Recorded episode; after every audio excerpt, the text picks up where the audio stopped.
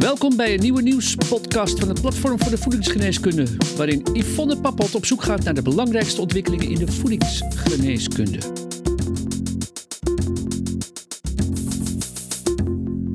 Hallo professionals, welkom weer bij de wekelijkse nieuwspodcast van Voedingsgeneeskunde. Met deze podcast willen we jou inspireren over de rol van leefstijl, voeding en specifieke nutriënten in relatie tot gezondheid en ziekte. Ik ben Yvonne Pappot en ik wil het vandaag met Andrea van Vuren hebben over vitamine B6. Hoi Andrea, hartelijk welkom weer. Dankjewel Yvonne. Ja, Andrea, er is veel te doen geweest over de veiligheid van vitamine B6. Bij het bijwerkingencentrum LAREP kwamen zo'n tien jaar geleden klachten binnen over pyridoxine dat bijwerkingen gaf op het zenuwstelsel. Dit heeft er onder meer toe geleid dat er vanaf 1 oktober 2018 een maximum van 21 milligram geldt per dagdosering van vitamine B6 in supplementen. Ja, en toch keert dit mogelijke gevaar van B6 regelmatig terug in de media. Dus interessant om dit vitamine B6 issue uh, met jou te bespreken als uh, expert in voeding en suppletie. Ja, kun je om te beginnen uitleggen wat vitamine B6 voor stof is, uh, Andrea? Ja, tuurlijk. Uh, vitamine B6, ofwel pyridoxine, is net als alle andere B-vitamines een wateroplosbare vitamine. En het heeft een scala aan functies in het lichaam. Het speelt een rol in het energiemetabolisme, in de werking van het zenuwstelsel, in het immuunsysteem, aanmaak van rode bloedlichaampjes, aanmaak van eiwitten, reguleren van hormonen, gezondheid van de huid en hart- en bloedvaten. Dus uh, ja, het, uh, doordat het betrokken is bij zoveel me metabole processen, heeft het ook zoveel functies. Ja, en wat zijn de belangrijkste vormen van vitamine B6? In de voeding komen drie vormen voor. Dat is pyridoxine, pyridoxaal en pyridoxamine. En het lichaam kan die vormen dan weer omzetten in een actieve vorm die die kan gebruiken in het metabolisme. En dat zijn dan pyridoxaal 5-fosfaat, pyridoxamine 5-fosfaat. Dat zijn er dus twee. En in voedingssupplementen uh, gebruikt men veelal pyridoxine en dan de verbinding met HCl, dus pyridoxine HCl. En de actieve vorm, zoals die dus in het metabolisme in het lichaam voorkomt, pyridoxaal 5-fosfaat. Uh, hoe kwam vitamine B6 in opspraak? Kun je dat voor ons nog even samenvatten? Ja, daarbij is het misschien goed om ook nog even aan te geven dat de aanbevolen dagelijkse hoeveelheid van vitamine B6 1,4 milligram is. En in 2013 kwamen er bij het LAREP, het bijwerkingencentrum, 10 meldingen binnen over bijwerkingen met vitamine B6. En ook een jaar later kwam Brandpunt daarmee. En weer twee jaar later, in 2016, volgde ook Radar. En dat had te maken met het feit dat steeds meer mensen hoge doses, dus veel hoger dan die 1,4 milligram, namen als voedingssupplement. En toen de tijd zag je ook in de schappen veel voedingssupplementen met die hoge doseringen, zelfs meer dan 100 milligram dagdosering. En um, dat kwam door de overtuiging dat het zou kunnen helpen bij het verlichten van specifieke klachten. in zijn algemeenheid gebruikt men vitamine B6 bij klachten als vermoeidheid en stress en huidproblemen.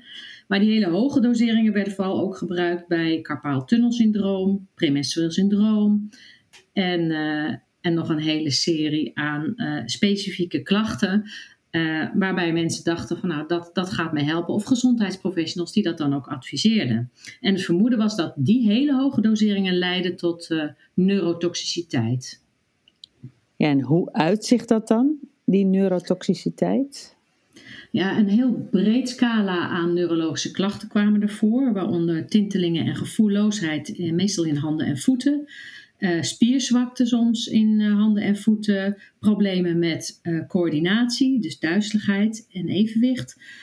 sommige patiënten hadden ook pijn in de ledematen, reflexen die veranderden. Dus allemaal ja, neurologische klachten. Um, problemen met lopen natuurlijk, ook door die duizeligheid. De ernst varieerde wel wat, afhankelijk van de mate van B6-overdosering, dacht men, en de duur van de blootstelling. Dat wist men ook niet zeker. Maar wat wel uh, zeker was, dat als men weer stopte met die B6-supplementen, dan verdwenen de klachten ook. Maar wat zorgelijk was, dat in enkele gevallen ook die effecten aanhielden. Ja, dat is niet niks natuurlijk. Uh, en wat was de reactie van de NPN hierop, de branchevereniging van bedrijven in voedingssupplementen? Ja, uiteraard namen zij die klachten heel serieus. Uh, maar tegelijkertijd uh, vonden ze het ook heel lastig om er iets over te zeggen. Want als je die, die klachten ging analyseren, dan kwamen ze erachter dat die bijwerkingen um, in heel verschillende situaties optraden. En die leken dus niet afhankelijk van de dosis te zijn. De een kreeg bijvoorbeeld klachten bij een dosering van 30 milligram en de ander pas bij 300 milligram. En ook waren er meldingen van hele hoge bloedwaardes zonder klachten en lage bloedwaardes met klachten. Dus um, ze zaten een beetje met de handen in het haar. Um, concludeerden van nou, uh, die bijwerkingen die treden niet heel veel op als je het afzet tegen de hoeveelheid die gebruikt wordt hè, aan, aan vitamine B6 en hoeveel mensen B6 gebruiken. Uh, ja, maar aan de andere kant waren de klachten die er waren natuurlijk wel heel ernstig, maar ze leken ook persoonsgebonden. Dus uh, zij besloten van nou, we gaan uh, hulp inroepen en we gaan dat eens nader laten onderzoeken. En daar kozen ze dan Universiteit van Maastricht voor, afdeling toxicologie. Nou, daar wil ik zo nog even meer over weten natuurlijk. Maar eerst, wat zeggen de autoriteiten over B6? Ja, de, er was al wel een maximum aan de hoeveelheid, een veilig maximum vastgesteld hè, voor de hoeveelheid vitamine B6 die je dan maximaal per dag binnen kan krijgen. De Gezondheidsraad die beveelde 25 milligram aan. De EFSA, hè, de Europese Voedselveiligheidsautoriteit, die stelde ook een veilig uh, maximum uh, voor van 25 milligram. Um, maar er zijn ook uh, autoriteiten, zoals de Amerikaanse Food and Nutrition Board, die zegt 100 milligram per dag is nog veilig. En dat hangt er maar net van af naar welk onderzoek uh, je kijkt en uh, hoe je dat onderzoek interpreteert. En naar aanleiding van die klachten geldt dus, zoals jij al zei, vanaf 1 oktober een maximum in voedingssupplementen. en dat wordt ook gehandhaafd door de, door de wetgever. En die is gesteld op 21 milligram.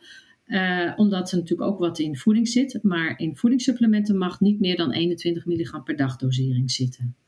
Wat kwam uit het onderzoek dat de NPN heeft uitgezet in samenwerking met de Universiteit van Maastricht? Uh, kun je dat voor ons samenvatten?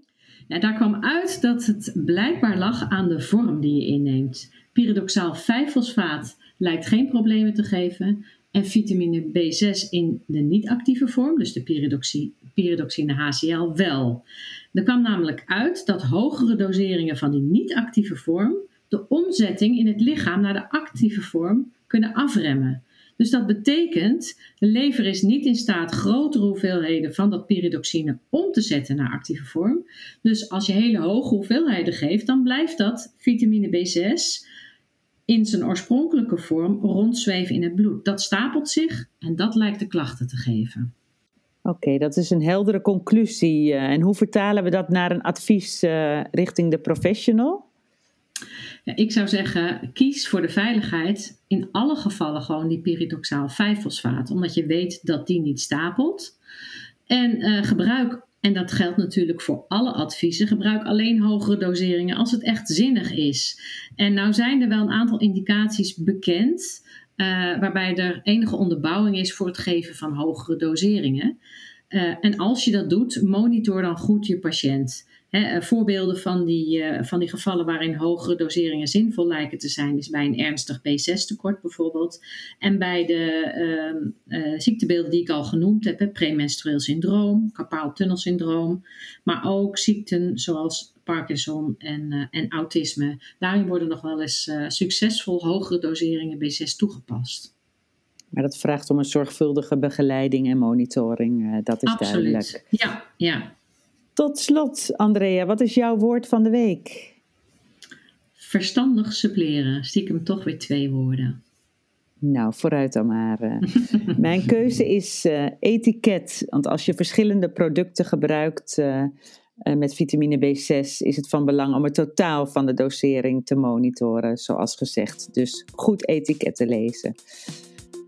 Nou, Andrea, bedankt weer voor alle info die je, hebt met ons, die je met ons hebt willen delen over vitamine B6. En ook de professionals bedankt voor de aandacht.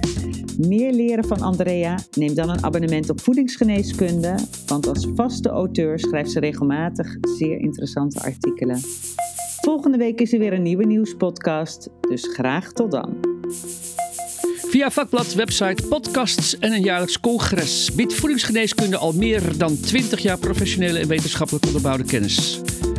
Gratis voor niets, het laatste nieuws in je inbox. Schrijf je dan in voor de wekelijkse nieuwsbrief op www.voedingsgeneeskunde.nl. Redactie en productie Yvonne Papot. Techniek Sjoerd Kaandorp. Voedingsgeneeskunde is een project van uitgeverij Media Medica.